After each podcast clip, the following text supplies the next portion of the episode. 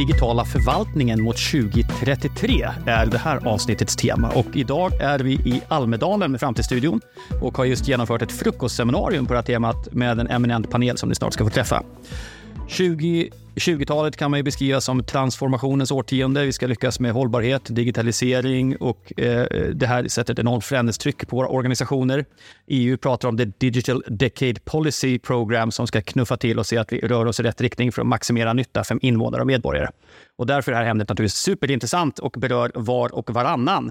Men för att få lite bakgrund så har vi förstås låtit vår eminenta Mats Lindgren fundera på de här frågorna och inleda seminariet. Mats, varför är det här en viktig fråga för dig? För det vet jag att det är. Oj, oj, oj. Det finns inte bara ett svar på det. Det finns massor av svar på det. Eh, ja, men vi har två stora utmaningar, precis som du tror jag nämnde, nämligen digitalisering och hållbarhet. Och det är ju, på något sätt är det bråttom. Sen kan jag väl själv säga att det skär lite i mitt hjärta att se att landet i världen som på något sätt lite var först på det här. Vi hade hem-PC-reformer, vi är otroligt digitalt mogna, vi har en fantastisk ny tech-industri och så vidare inte riktigt förmår att vara riktigt på samma eh, nivå i, i offentlig sektor. Eh, och det finns massor av skäl till det. Det är det ena. Och jag menar, sen är det beklagligt ur ett annat perspektiv, tror jag, att om där offentlig sektor släpar efter i digitaliseringsracet, om vi nu kallar det för det, så kommer gapet växa mellan vad man förväntar sig att de tekniska hjälpmedlen på jobbet ska kunna göra eller som medborgare i interaktionen med eh, offentliga förvaltningen att göra och den verklighet man möter. Och när vi ser på effekterna av dåligt fungerande teknik, till exempel på arbetsplatser, så riskerar det att driva människor bort ur arbetsplatserna. Och det är ju en enorm utmaning om det samtidigt är så att vi har ett stort kompetensunderskott. Ja, precis. För vid sidan av hållbarheten och digitaliseringen så är ju kompetensförsörjningen den stora utmaningen, eller hur vi nu ska få jobbet gjort framöver. Men låt oss båda lite mer i det här. Det här eh, frukostseminariet kan man ta del av på vår Youtube-kanal. Och det vi kommer göra nu är att liksom referera lite grann till det och resonera tillsammans med panelen vilka tankar som har tänkt, de viktigaste insikterna som har gjorts idag. Och då är ni förstås nyfikna på vilka är den här panelen? Och först vill jag då välkomna Victoria Hagelstedt, avdelningschef för samordning och datadelning på Myndigheten för digital förvaltning, också känd som DIGG. Välkommen till Framtidsstudion, Victoria. Tack så mycket. Du, eh, berätta lite kort, vad, vad är det du jobbar med på DIGG egentligen? jobbar med att samordna digital infrastruktur och en del EU-initiativ och också ja, med att eh, ansvara för att bygga lite lösningar för det också. Eh, bland annat för datadelning. Sveriges dataportal bland annat. Är du en eh, tech-intresserad person privat också? Har du mycket hem gadgets hemma? Ja, jag har hållit på med det här i många år, men jag är kanske ingen jättetech-intresserad. Det är nog min, min man och min dotter som är det mer än mig. Men jag älskar min mobil. det är bra. Du är inte ensam om det, tror jag. Ja, men intressant. Jättebra. Välkommen hit, som sagt. Eh, nästa gäst och eh, presenterar är Marcus Matteby som driver digitalisering i Sundsvall och Ånge kommuner. Välkommen till Framtidsstudion. Tack mycket. Eh, berätta lite, du kommer från kommunperspektiv nu. Eh, vad har du gjort tidigare på de här frågorna? Eh, har du alltid jobbat i de här kommunerna? Eller vad är läget? Nej, innan det jobbade jag statligt, Försäkringskassan, i dryga sex år. Mm. Och innan det i, i näringslivet som programmerare. Okej, okay, så du har en riktig tech-bakgrund kan man säga. Ja, har du mycket tech-prylar hemma? Ja. Har du någon favorit du kan lyfta? Någonting obskyrt som vi kan skratta åt? Nej, jag vet inte, men jag tycker fortfarande det är kul att programmera. Mm.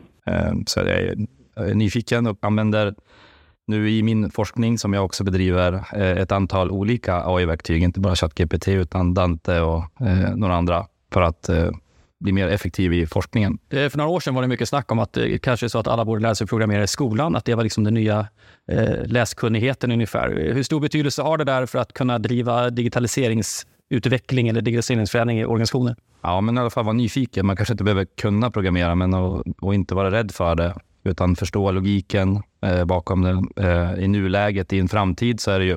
Det blir väl antagligen så att antingen jobbar vi för en algoritm eller så jobbar vi med att ta fram de här. Så då kan man välja. Gott. Eh, dagens seminarium var gjort tillsammans med våra vänner Salesforce och därifrån kommer Mattias Fahlén. Du är ju Head of Public Sector för Salesforce i Sverige. Eh, berätta lite mer. Vad är det Salesforce gör för offentlig sektor? Först och främst tack för att vi får med på det här idag. Jättespännande.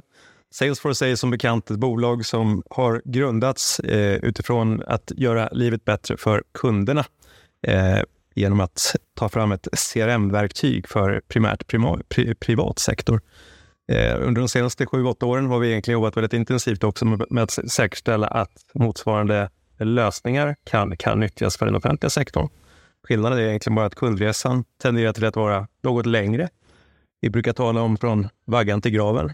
Och det är klart att i en sån makroresa så finns det ett antal olika händelser där vi som medborgare i landet Sverige förväntar oss viss form av service och stöd från våra olika förvaltningar.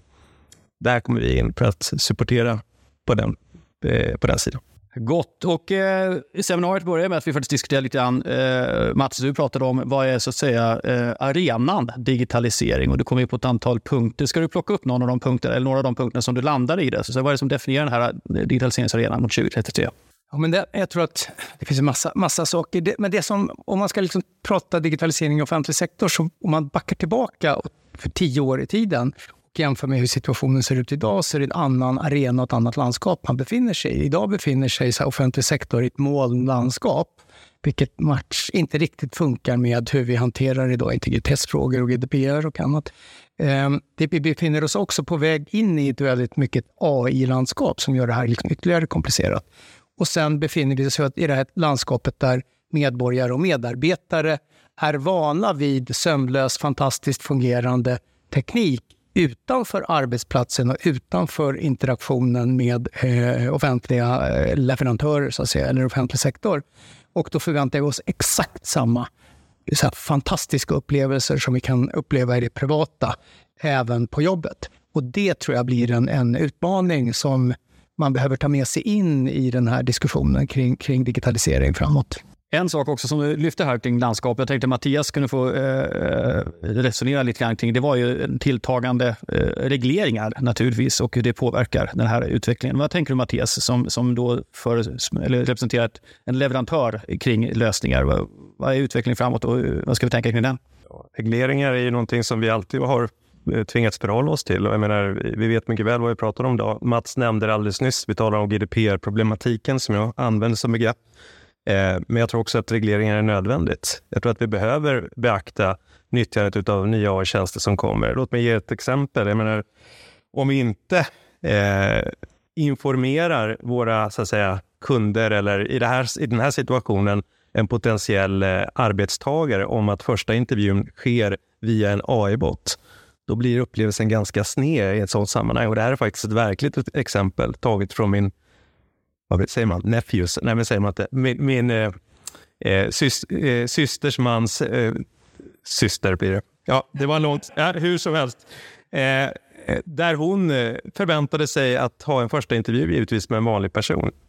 Men i själva verket när hon kom in i videomötet så finns en avatar där och utför intervjun med henne kan ju vara jäkligt intressant utifrån någon form av effektivitetsperspektiv. Men man måste också informera respondenterna att det är det här som sker. Då först eh, kan det här bli nyttigt på riktigt.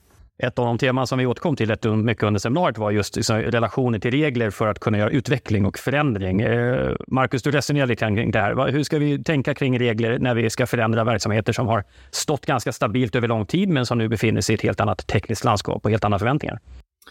Ja, tänkte du på nationella regler? Ja, det kan vara, ja precis. Och, mm. och det kan handla om, det kan vara regler relaterade till just teknik, men det kan vara helt andra typer av regler, hur vi opererar vår verksamhet, så att säga, hur vi jobbar. Ja, det jag tänkte på först här är ju att um, mät, mätningar visar att Sverige ligger näst sist i Europa uh, kring öppen data. Eh, OECDs mätning. Det, är ju, det, det tror jag inte vi vill vara. Uh, alltså nummer ett, som Frankrike, det är man tack vare att de har uh, lagstiftat att upp, man ska ha öppen data. Det behövs. För det finns ett motstånd och kanske eh, en prioritering som gör att man inte, man inte helt enkelt använder det. Men jag tänker här också att det eh, kopplat till kravställa på öppna gränssnitt. Att eh, alla Vad betyder det? System... Öppna gränssnitt, mm. varför är det viktigt? Och vi pratar mycket om öppen data, men, men hur kommer du åt det öppna datat? Du behöver API, applikationsgränssnitt, för att kunna systematiskt komma åt datat. Eh, inte behöva logga in och ladda ner en, en, eh, en Excel-fil. Eh, som du sen får sitta och mata in i något annat system. Mm, utan du behöver också koppla det till, till öppna gränssnitt. Det skulle vara otroligt värdefullt om det faktiskt blev lagstiftat, att det här är något som vi måste följa. Både för leverantören och för eh, offentlig sektor. Och då tänker jag Victoria, du som eh, här nu har eh, myndighetshatten på eh, i sammantalet. Eh, vad är det som gör, tror du, eller, svensk lagstiftning på de här frågorna? Vad står vi? Är vi, är vi senfärdiga jämfört med alla andra eller vad, vad handlar det här om? Varför är vi inte mer up to date? Nej, men vi har jättemycket regler, men de reglerna är ju många av dem gjorda för ett analogt samhälle. Och då blir det ju svårt att använda dem i det digitala samhället. Så vi tycker nog båda att vi behöver reformera en hel del av de regler vi har för att det ska funka i det samhälle vi har idag. Men också eh, så lite grann som det Marcus är inne på, att vi behöver mer regler också. För regler kan också möjliggöra att vi jobbar med till exempel med interoperabilitet, som det heter. Och att det vi för får data att kunna flöda mellan olika system. Det är sätt som man kan till exempel göra regler kring. Eh, att ställa krav på de här öppna gränssnitten, att ställa krav på att man måste tillgängliggöra data. Det finns också sådana regler idag, men vi är lite dåliga på att följa dem också. Så ibland behövs det till och med sanktionsmöjligheter i lagstiftningen, tror vi. Så, och kanske också att eh, man kan behöva tvinga på att använda vissa standarder eller eh, vissa lösningar också för att det ska bli mer effektivt och att det ska just bli så interoperabelt och bra för de här människorna och företagarna som finns i Sverige, så att de behöver möta alla möjliga lösningar. Och vi, det, var också ett tema som återkom, liksom, att det, det, finns, eh, det finns en tröghet i att eh, anamma det nya, att eh, använda de regleringar som finns och följa upp, eh, fokusera på resultat och så vidare. Och vi pratar om behovet av incitament att våga driva förändring. Och en sån, ett sånt incitament hade kunnat vara så att medborgarnas attityder och förväntningar. Mats, du var inne på att man möter bra teknik på andra ställen och så jämför man och tycker kanske varför, varför ska jag behöva stå och vänta här vid kö eller varför kan jag inte boka mina möten lika effektivt som i andra sammanhang. Då? Och var, Victoria, vad är din uppfattning? Eh, spelar medborgares attityder kring de här frågorna någon roll? Är det, är det en tryck idag, tror jag, eller, eller är medborgarna faktiskt lite eh, försiktiga och passiva och eh, ja, vet inte riktigt vad de ska be om? Snarare försiktiga. Jag tycker att deras eh, åsikter och attityder borde spela större roll i hur vi bygger de digitala lösningarna och även medarbetares. För jag tror att det är fortfarande för mycket IT-personer på IT-avdelningar som bygger digitala lösningar. Eh, och då tror jag inte vi tar hand om det, de behoven som finns. Och då tror jag inte vi får till de här bra lösningarna heller. Nej. Vi gjorde en studie förra året och då fick vi reda på att 28 procent de eh, eh, väntar ju hellre på att nej, förlåt, 28 procent var positiva till att få vård från AI, då, som jag hade formulerat frågan, någon slags automatiskt system. Då. Eh, Medan 49 procent hellre väntade på att få vård från en mänsklig vårdgivare om de kunde få välja. Vad tror du, Marcus, var, var kommer de här attityderna ifrån och hur ska man tolka dem? Ja, jag är nyfiken att se hur man ställer frågan. För om du, om du ställer frågan, vill du ha, vill du ha eh, eh AI som ger dig ett, en, en bättre diagnos eller vill du ha en mänsklig Snabbare däremot fanns det. Om jag fick snabbare vård, det var, det var mig i fråga. Så säga. Ja, ja.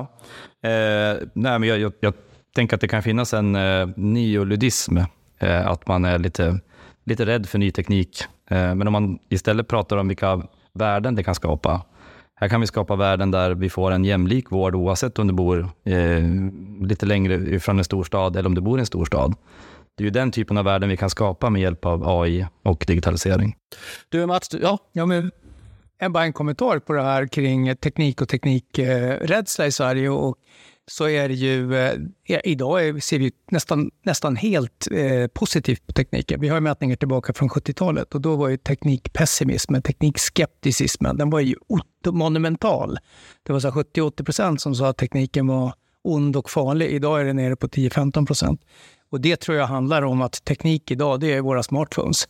Och de är liksom lättanvända, de är eh, ofarliga. Teknik på 60-70-talet, det var liksom miljöförstörande stora fabriker som förstörde miljön. Och så det var liksom en annan, helt annan paradigm. Så att vi lever ju i en otroligt teknikpositiv, skulle jag säga, eh, värld. Ja, men jag tänkte fylla i också på att det är också från 70-talet, många av våra regler som gör att vi inte kan dela data härstammar från också. Och då var det också en rädsla för det här med storebror ser dig och den typen av, eh, av funderingar. Och det är därför man också har gjort det väldigt svårt för offentlig sektor att byta data med varann. Eh, och det ser vi ju idag gör, utgör det hindret att vi har mycket sån reglering. Och då bara förstärka med en data som vi, apropå studien vi gjorde för, förra året om morgondagens medborgare 2. Då skulle vi ju se att den äldre generationen var ju mer skeptiska på att dela data eh, generellt. Så att det, apropå övervakningssamhället, skräcken från 70-talet. Och då är vi också väl representerade i våra beslutsorgan. Marcus, du har en tanke här också. Ja, e-, egentligen två tankar. Den ena är ju, eh, man tar eh, till exempel om du har konsent, om du, du går med på att dela data och får en bättre service det finns ett incitament. Det där har man ju löst i Estland bland annat. En, en, en, en enkel digital lösning där du säger okej, okay, det är okej okay för mig att dela data med, med där, den här myndigheten, eh, för då får jag den här bättre servicen. Så tänker jag också något om man, man tittar på eh, organisationens eh, och människors ovilja att, att förändra sig. För när, när vi går ut ur eh, vårt kontor så förväntar vi en hög service. Men när vi går in på kontoret och det påverkar mig, då finns det den här lite motståndet till att eh, men det här blir ju konstigt för mig och jag kanske riskerar att förlora mitt jobb. Eller det blir, det blir en förändring som är jobbig. Och då är plötsligt eh, så tappar man den där eh, framtidstron då, eller att tänka att den här tekniken skulle kunna göra bättre för invånaren. För digitalisering förutsätter ett utifrån in perspektiv. Annars är det ju mer av en datorisering. Det är någon form av elektrifiering av någonting. Eh, men måste ha en hög invånar, eh, invånarinblandning. Men bara för att nyansera lite, du säger att, att folk har ingen lust att göra förändring för att jag förlorar mitt jobb. Är det vanligt att man förlorar sitt jobb när man digitaliserar? Det är tämligen ovanligt. Jag bara eh, sagt så att det är klart, ja, så ingen lyssnar. Här blir, det blir spänn på. Far ja, men precis. Eh, så är Ja, men det, är, det är alltid kul med lite data. Vi har ju data på det där också. vi gjorde ett projekt tillsammans med Pion Group eh, för ett år sedan där vi intervjuade arbetstagare. Och det var den här 34% siffran som jag presenterad också i, i studien, eller presentationen där kom därifrån. Men då frågade vi dem om de hade erfarenhet av automatiseringsprojekt på arbetsplatsen och sen vad effekterna av de automatiseringsprojekten var. Och då var det ju fler som sa att vi har blivit fler på jobbet än innan, än de som sa att vi har blivit färre. Och de flesta sa ju så här, jag har fått göra nya andra saker. Och, och så frågade vi så här, en fråga då, ja, ehm, är du positiv eller negativ till mer automatisering? Då var 80 procent positiva. Så att det är... Eh... Men det var ju de som var kvar på jobbet och kunde svara på enkäten, så att det är självklart. Det var vinnarna som fick säga något. Eh, jag tänker också, vi kommer ju, om man pratar 2033, ha en otrolig utmaning med, med kompetens och, och resurser. Framförallt inom välfärdssektorn. Så vi kommer behöva göra minst 50 procent mer med de, de medarbetare som vi har. Så att, eh, då kommer ju ingen att förlora jobbet tack vare digitalisering, men vi kommer kunna klara vårt uppdrag. Jag tänker att ett viktigt perspektiv på det där, det är ju ändå att det här kommer leda till att vi behöver förändras. Och vi är ju inte sugna på att förändras. Det ligger ju liksom i vårt sätt att vara som människor. Och då tänker jag att det kanske man ändå inte ska underskatta. För jag, jag eh, jag tänker att om vi, om vi digitaliserar så säger vi att det ska bli mer effektivt och så är det lika många människor kvar som jobbar med samma sak. Då har vi i alla fall inte lyckats. För vi måste ju ändå ha förflyttat oss någonstans för att de ska börja jobba med något annat som vi tycker är mer värdeskapande eller på något annat sätt. Så jag tror ändå att vi måste ha den här diskussionen liksom levande i att också involvera personer så de inte behöver vara rädda. Liksom. Så vi behöver prata med de som jobbar med handläggning, om de är nu rädda för att bli av med sitt jobb. Vad kommer det kanske innebära? Absolut. Jag menar, nu, eh, Mattias här igen. Eh, nu, nu kan jag referera till både händelser inom den privata sidan där vi också är väldigt aktiva på Salesforce idag. Men tillbaka till det du säger också nu. Det är ju, jag menar, I de situationer där vi faktiskt ser att man inte utför sitt förväntade uppdrag, eh, det vill säga vården. Jag kommer tillbaka till vården som det exemplet. Eh, där man lägger 70 procent av tiden på administrativa uppgifter och vi har vårdköer som växer, ja, men då har vi helt plötsligt faktiskt skapat en ett värde genom att automatisera. Jag vet inte vad det ska vara, eh, skämt åsido här, men, men eh, ja, det är klart att vi kan göra saker och ting bättre genom att automatisera vissa delar i, i det sammanhanget. Tillbaka till det du sa också Mats, det här med att eh, vi, vi automatiserar det privata näringslivet. Det gör vi tydligt för att vi, vi vill uppnå besparingar. Eh, och där är det ju de facto så att det blir färre människor på en kundtjänstfunktion eh, när vi går in och hjälper dem med vår botteknologi. Absolut är det så. Men vi ser också att det frigör kapacitet för att kunna förädla eh, leveransen på andra delar som sagt. Så att, eh, ja, jag vill bara... Du hade en siffra Mattias, jag minnas, om hur många färre arbetstagare vi skulle ha i Europa ett tag framåt. Ja, det är inte min siffra, utan det är inte påhittat. Eh, men, men eh, man räknar med att 2029 så är det 13,5 miljoner färre arbets, så att säga, personer, arbetsföra eh, personer i Europa. 13,5 miljoner. Det är 4 procent av den arbetsföra eh, befolkningen. Så att här är inte frågan om, utan vi måste göra någonting. Jag tycker det är ett intressant exempel också, för tänker man långsiktigt och inser att så kommer det bli och vi kommer få fortsatta migrationsströmmar. Hur kan vi använda ny teknik för att snabbt göra folk redo att få ett jobb på det nya ställe där de kanske kommer då? För vi kommer att ha ett väldigt tryck från de delar av världen där man inte är så sugen på att bo längre på grund av klimatförändringar. Och teknik och AI, språkundervisning, vad det kan vara för någonting, är ett sätt att börja preppa redan nu, apropå eh, att tänka, tänka långsiktigt. Ja, men det där är otroligt intressant. Det, det blir väl lite det vi får prata om på, på lördag i vårt seminarium om, om kunskapsautomation och AI. Men, eh, och, men jag ser framför mig att, eh, för den här är ju en öppen, öppen fråga, kommer, vad händer på arbetsmarknaden när man automatiserar med hjälp av generativ AI till exempel? gör det att instegsjobben försvinner, för det är de som är lättast att liksom ersätta de här eh, researchers och, och folk som liksom precis ska skolas in. Ja, det är den första slutsatsen. Men den andra slutsatsen är kanske att jo, jo, men om man får en in, alltså interaktiv coach som kan coach snabbt liksom omborda dig och coacha dig så kanske du kan ta dig in på en fyraårsresa, kanske bara ta två månader. Och då är det snarare så att den kanske inte alls får den effekten. Och det här tror jag, eh, jag menar, den frågan är fortfarande öppen och med, jag skulle nog nästan liksom våga satsa på att det faktiskt stora förtjänsten med det som händer nu på tekniksidan, det är att det blir lättare att komma in i nya arbetsuppgifter. För vi får digitala coacher som, som eh, hjälper oss mycket snabbare in. Den som vi ser ett exempel på detta kan ju kolla upp Salman Khan och Khan Academys nya chatbot, då, eh, Khan Migo som ska hjälpa eh, de som läser deras kurser på Khan Academys plattform. Otroligt eh, stöttande och bra system att lära sig verkar som. Så det är superspännande. Vi pratar också om att lyckas med transformationen. Det var den tredje och sista delen här i seminariet. Vill du säga något Mats, generellt vad du eh, omfattar i den breda spaningen? Och jag kommer knappt ihåg vad jag pratat om redan. Men, men en fråga i kulturfrågan som, som jag ser som ganska stor för att eh, det vi ser det att de som lyckas med transformation, de som lyckas med innovation, det är organisationer som har ett starkt fokus på lärande och resultat. Medan de som misslyckas är de som har fokus på nysvenska ordet compliance, eh, regel, ja, regler och regelefterlevnad och lite för mycket myskultur, om vi kallar det för det, som man finns där för sig själv. Så det tror jag är en, en jättestor fråga. Ja, du ställde ju frågan om man nu behöver göra ett stort skifte. Du jämförde med järnvägsbyggena på 1800-talet, 1900-talet. Så att va, det blev en centralisering, man kom med stora resurser för att åstadkomma saker. Och vi har ju sett andra sammanhang i världen där eh, imperier till exempel, de växer upp och kommer och går. Och ofta växer de med att man, man lyckas konsolidera makt i ganska, i ganska små händer, eller få händer så att säga, som styr utvecklingen. Det är ju något slags antidemokratiskt å ena sidan, men det kanske korrelerar med att få saker gjord. Vad, vad, vad tänker du spåret, Mats? Du var inne på det.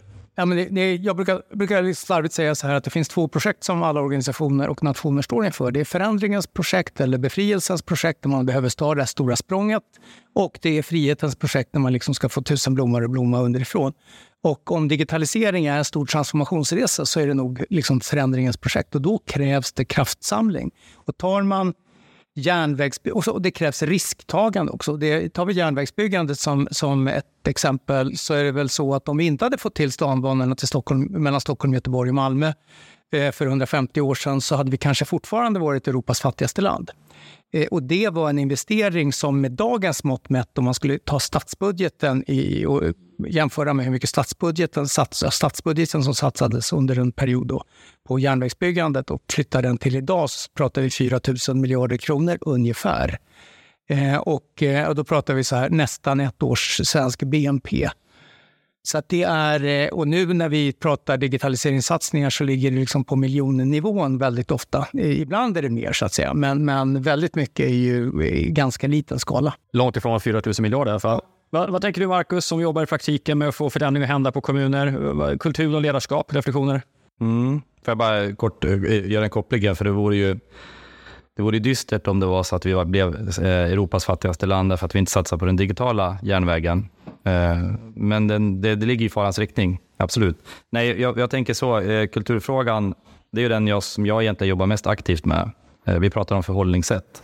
När vi träffar en ny medarbetare, en ny leverantör, eller är vi ute i verksamheten så, så pratar vi om att vi behöver dölja komplexitet. Vi behöver... Dölja komplexitet? Ja, vi, vi sänker trösklarna. Eh, prat, prata inte eh, konstiga treställiga förkortningar, utan eh, minska rädslan, eh, eh Eh, eh, skapa ett gemensamt språk. Eh, och egentligen det syftet är ju att, att man ska känna sig trygg, att prova någonting man inte gjort förut, att vara med i en förändring och man kommer få stöd i det. Så det är det, det, är det absolut viktigaste. Och har du det på plats då, där man törs experimentera, där man också fokuserar på att det här ska realisera, realisera i en nytta, då ser vi att, att det blir, det blir eh, användardrivet.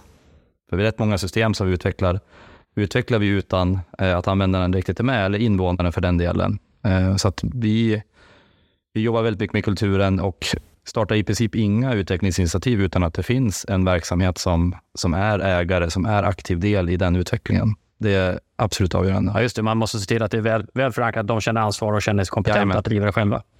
Yes. Mm. Eh, ett spår som du också rörde kring, kring eh, utmaningarna, Mats, det var det här med upphandling. Och eh, där finns också mycket regler och system. Mattias, skulle du säga något om upplevelsen som leverantör kring upphandling? Vad, vad, vad skulle vi behöva göra? Vi skulle behöva göra samma sak där som i många eh, andra situationer. Där vi, skulle, vi skulle behöva flytta fram kompetensen, kunskapen om vad som faktiskt är möjligt att genomföra idag. Eh, jag upplever att ett, det sker alldeles för många upphandlingar som tar alldeles för lång tid. Eh, från ett första initiativ till dess att faktiskt det här har genomförts så har det tagit art, gått 18 månader. Tid är någonting som vi dessvärre inte har idag. Eh, två, eh, vi behöver också sänka trösklarna hänsyn tagen till nivåer på de här upphandlingarna. Det måste bli enklare att kunna göra upphandlingar. Det måste bli enklare att kunna gå ut och, och, och ta ett initiativ till en förändring än vad det är idag. Eh, det är låga nivåer, då menar jag alltså upphandlingspenganivåer så att säga, när du får göra de här direktupphandlingarna. Eh, och det är inte bara i Sverige, utan det är även i andra, eh, andra länder. Så att, eh, ska vi någonstans kunna möta upp den här förändringstakten som vi måste vara, då måste vi också förändra sättet som, som det här genomförs. Det är väl egentligen min erfarenhet. Victoria, vi pratade lite grann och du var inne på att det kanske, du, du upplever en skillnad mellan kommuner och myndigheter i, i, attityden till digitalisering och förändring. Vill du säga något mer till dina myndighetskamrater? Mm, ja, men jag tycker att eh, det märks tydligt att det börjar bli mycket mer sense of urgency i kommuner. För att där ser man redan nu utmaningen med kompetens på ett större sätt, tycker jag, än vad man gör inom, inom eh, statliga myndigheter. Och eh, jag tror också att det har att göra med att kommunerna har sån blandad verksamhet eh, och är närmast, eh, många gånger närmast människorna i Sverige. Så jag tänker att det märker man och då ser man också att det finns ett större intresse av att också jobba tillsammans och att liksom, det ska komma fram gemensamma satsningar på nationell nivå, skulle jag säga. Och apropå gemensamt, Marcus, du var inne på det här med, med kollektiv digitalisering som ett begrepp som du uppskattar har förstått och verkar funka bra. Berätta lite mer vad det är för att. Eh, kollektiv digitalisering är en, mm, egentligen en, en, en, en, helt ny variant av samverkan som bygger på ett, ett samarbete till sin extrem. Eh, två stycken organisationer går ihop och blir en eh, och blir en som, är, som tar vara på de kompletterande styrkorna. Samverkan är ofta, söker ofta likheter, eh, blir sällan effektfull. I, I teorin så är det ju, själva idén med samverkan jättebra, men hur vi använder det brister. Kollektiv samverkan och kollektiv digitalisering gör att vi får, en, eh, vi får eh, den lilla kommunen att hänga med i den utvecklingstakt som den stora kommunen. Den stora kommunen får den innovativa, den, eh, den snabbrörliga förmågan i den, i den lilla kommunen. Också ofta mycket mer eh, invånar företagarnära tittar man på de här små kommunerna så här, de är ju fantastiska. De har otroligt bra kunskap om sina invånare, sina företagare, duktiga på att han, hantera dialogen, eh, har, en, har ofta en, en, bra service, men brister i, i resurser och brister i att kunna, kunna göra så, saker som är mer kopplat till informationssäkerhet och till eh, hantera cybersäkerhet som vi såg uppe i Kalix. Här behöver man eh, gå tillsammans. Man klarar inte av det själv. Så det är egentligen en brist på en patologi eh, inse att är man en liten kommun så kommer man aldrig att klara det här själv. Och det man gör är att skapa en gemensam organisation kring digitaliseringen? Är så en, en, en, en, digital kommun. Så att eh, Sundsvall plus Ånge, Ångsvall. Vi är då därmed 289 kommuner digitalt. Eh, tänk om vi kunde ha det lösningsmönstret som gör att vi kanske reducerar till hälften antalet kommuner och en helt annan motståndskraft och förmåga att hänga med i den digitala transformationen. Och det är en signal som jag uppfattar både i vårt eh, seminarium här och på andra saker jag deltagit i Almedalen också. En önskan om att eh, jaga liksom fördelarna med centralisering ibland, stordrift, eh, system som kan prata med varandra. Man upplever mycket trösklar i det här att vara uppbruten och allting, alla gör sin egen resa. Då. Eh, men jag vet, decentralisering och stordrift kan ju låta som något annat än vad jag tror vi är ute efter. För det kan ju också handla om att man liksom bygger upp samma lösningsmönster, att man ställer krav på att eh, liksom, gränssnitt ska se ut. För det kan vara ganska komplicerat att göra liksom, jättelösningar också. Det är inte alltid de som är... Utan vi jobbar ju mer med data och beskriver liksom, det här är den rätta källan av data. Så inte alla behöver hålla samma data, utan du vet att den finns där. Men det är inte samma sak som att det ska finnas en databas, om jag säger så. Ja, just det. Sista frågan för nu och sista frågan på seminariet var att ni fick ju eh, förmedla en önskan till offentlig sektors digitaliserare. Och med det menade vi alla egentligen som är påverkade på olika sätt. Det kan vara invånare som har och, och kraft som opinion och så vidare. Men det kan vara också de som är, sitter högt upp i ledningen och allt däremellan. Så vad, vad skulle ni önska att, att offentlig sektor, olika aktörer, gör? Om ni får välja en sak. Eller kanske tre, Mattias. Vad vet jag? Marcus, ska du börja? Vad, vad är din önskan? Min önskan är att digitalisering blir en, en politisk fråga. Att det faktiskt blir någonting man, man, man eh, debatterar och oppositionen kritiserar majoriteten för att man inte pratar om digitalisering. Man, man ger inte rätt förutsättningar för digitalisering och man eh, gör inte det regulatoriska eh, arbetet som krävs för digitalisering. För annars riskerar vi att verkligen ligga sist i Europa att bli ett mycket fattigare land. Och jag brukar tänka att digitalisering är, som många säger, det är inte en teknikfråga. Ibland säger man att det är en ledningsfråga. Så jag tycker att också det är en social hållbarhetsfråga. Eh, och blir det inte effektivt nog välfärden så blir det svårt att, att hålla den nivån som vi har vant oss vid och kanske önskar att folk skulle ha. Så det, det, är en politisk approach på det också, från det hållet. Men då, det är min tanke, så här, saknas det då bilder av vad digitalisering skulle kunna leda till? Saknas det visioner av den digitaliserade kommunen, eller vad vi nu kallar det? På polit ja, politiker? Politi ja, ja, det gör det ju. Och det är ju, dessutom finns det ju en, en väldigt hög självgodhet. Eh, och det finns en, en, en, en, en frånvaro av insikt av att digitalisering handlar inte om antalet meter bredband som vi har grävt ner, utan det handlar om något helt annat. Och vad är det då, bara så vi är tydliga? Ja, det handlar om det är verksamhetens metod för utveckling med hjälp av teknik, där vi har innovation, automatisering för att skapa helt nya lösningar. Om vi nu ska möta de demografiska utmaningarna, om vi ska göra saker på andra sätt, så måste vi ju jobba med eh, digitalisering på ett innovativt sätt. Eh, och där tänker jag också att vi som väljer politiker måste ställa krav på att våra politiker förstår det här. Eh, var det olyckligt att det här eh, konceptet heter digitalisering? Apropå att det handlar mycket om arbetssätt också. Skulle man haft en annan rubrik om man fick backa bak bandet? Eh, ja, jag tänker inte det, utan det är väl kanske vad vi, vad vi lägger in i ordet digitalisering. Eh, för digitalisering är ju inte, inte förlängning av IT, utan det är, eh, det är verksamhetens metod. Victoria, om du fick önska, vad är det folk skulle göra annorlunda om du fick be dem? Det vore väldigt bra med mer politisk inriktning. Men jag, i övrigt så tänker jag att man, när man jobbar med det här på, i någon organisation, en kommun, myndighet eller vart man är, så vill jag att man ska lyfta blicken och se vad som redan är gjort och återanvända i mycket större utsträckning. Man behöver inte uppfinna alla hjul själv. Och dela data är väl en idé då. Också fundera, vad är det för data du behöver och vem har den datan så att jag behöver samla in den också. Just det. Vi skulle ha årets copycat helt enkelt. Mm, Pris. Det vore jätte, jättebra. Bästa. Ja, kolla, vi har inte gjort någonting själva. Nej. Nej, precis. Mattias, dina önskningar? För det första så håller jag med både Marcus och Victoria. Eh, och eh, ja, Det finns såklart massa saker som man, man önskar. Du sa att jag hade tre saker på mig, men jag ska inte ta det den här gången, jag lovar. Eh, du nämner politik, eh, politiken, eh, Marcus. Jag tror att den är direkt avgörande om jag ska vara helt ärlig. Blir inte det här en politisk frågeställning, då kommer vi inte komma ikapp. Men jag tror att det finns en sak till. Jag tror också att vi ska dra nytta, vilket vi också berörde, av vad som redan har gjorts. Men titta också på näringslivet. Vi måste liksom inkludera näringslivet på ett annat sätt än vad jag upplever. Och det kanske bara är min upplevelse, men att, än vad jag upplever att man gör idag. Och sen se gärna på de framgångsexempel på digitalisering. Jag sitter här med Dagens Samhälle framför mig från eh, tidigare veckan. vi har flera liksom, duktiga, framgångsrika kommuner som, som har påvisat på goda exempel hur de faktiskt har nyttjat befintliga resurser, satt kamera på en, i det här fallet en sopbil för att någonstans analysera potthål i, i vägen. Det är ett bra sätt att nyttja liksom redan tagna rutter för att säkerställa att vi har säkra vägar i den givna eh, kommunen. Det finns mycket att göra. Min favorit där var ju Helsingborgs stad som hade något AI som pratade med förskolebarnen. De kunde fråga när ska jag bli hämtad idag och vad blir det för mat? Det tycker jag är superbra. Och det ska jag säga också, jag fick åka till, um, komma och prata digitalisering med ehm, eh, Burlöv kommun som är ju, uh, verkligen i framkant på detta. Har ju använt mycket VR i sin skola, fick priser nyligen. Och då uh, fick olika eh, delar av utbildnings och kultur och fritidsförvaltningen resonera kring detta. Och då var det just förskolepedagoger som tyckte, tänk vad bra om vi kunde ha ett AI som satt och lyssnade så vi kunde veta vad barnen pratade om i sina små grupper när inte någon pedagog är där. Som ett sätt att avlyssna och se stämningen. Du ser hur lätt det blir övervakningssamhälle redan vid två års ålder så är man körd. Men det visar just på att det fanns en, en positiv syn på det. Men det kräver också ledare som, som för in den här tekniken och får oss att diskutera. Eh, Mats, eh, några reflektioner av allt du hört idag från panelen kring det, det här temat? Ja, man kan ju reflektera jättemycket. Jag tror jag stoppar med det, men jag har faktiskt en önskan. Får jag ta det? Ja, nej, men min önskan är väl egentligen den att Alltså, få, få till det här stora greppet som jag gärna skulle vilja se, det är de här tusen miljarderna eller något sånt där. En rejäl satsning på ett digitalt lyft, det ligger kanske långt borta. Det är liksom ungefär som att eh, tro att världens alla ledare ska enas om någonting för på klimatområdet. Det kommer inte heller hända.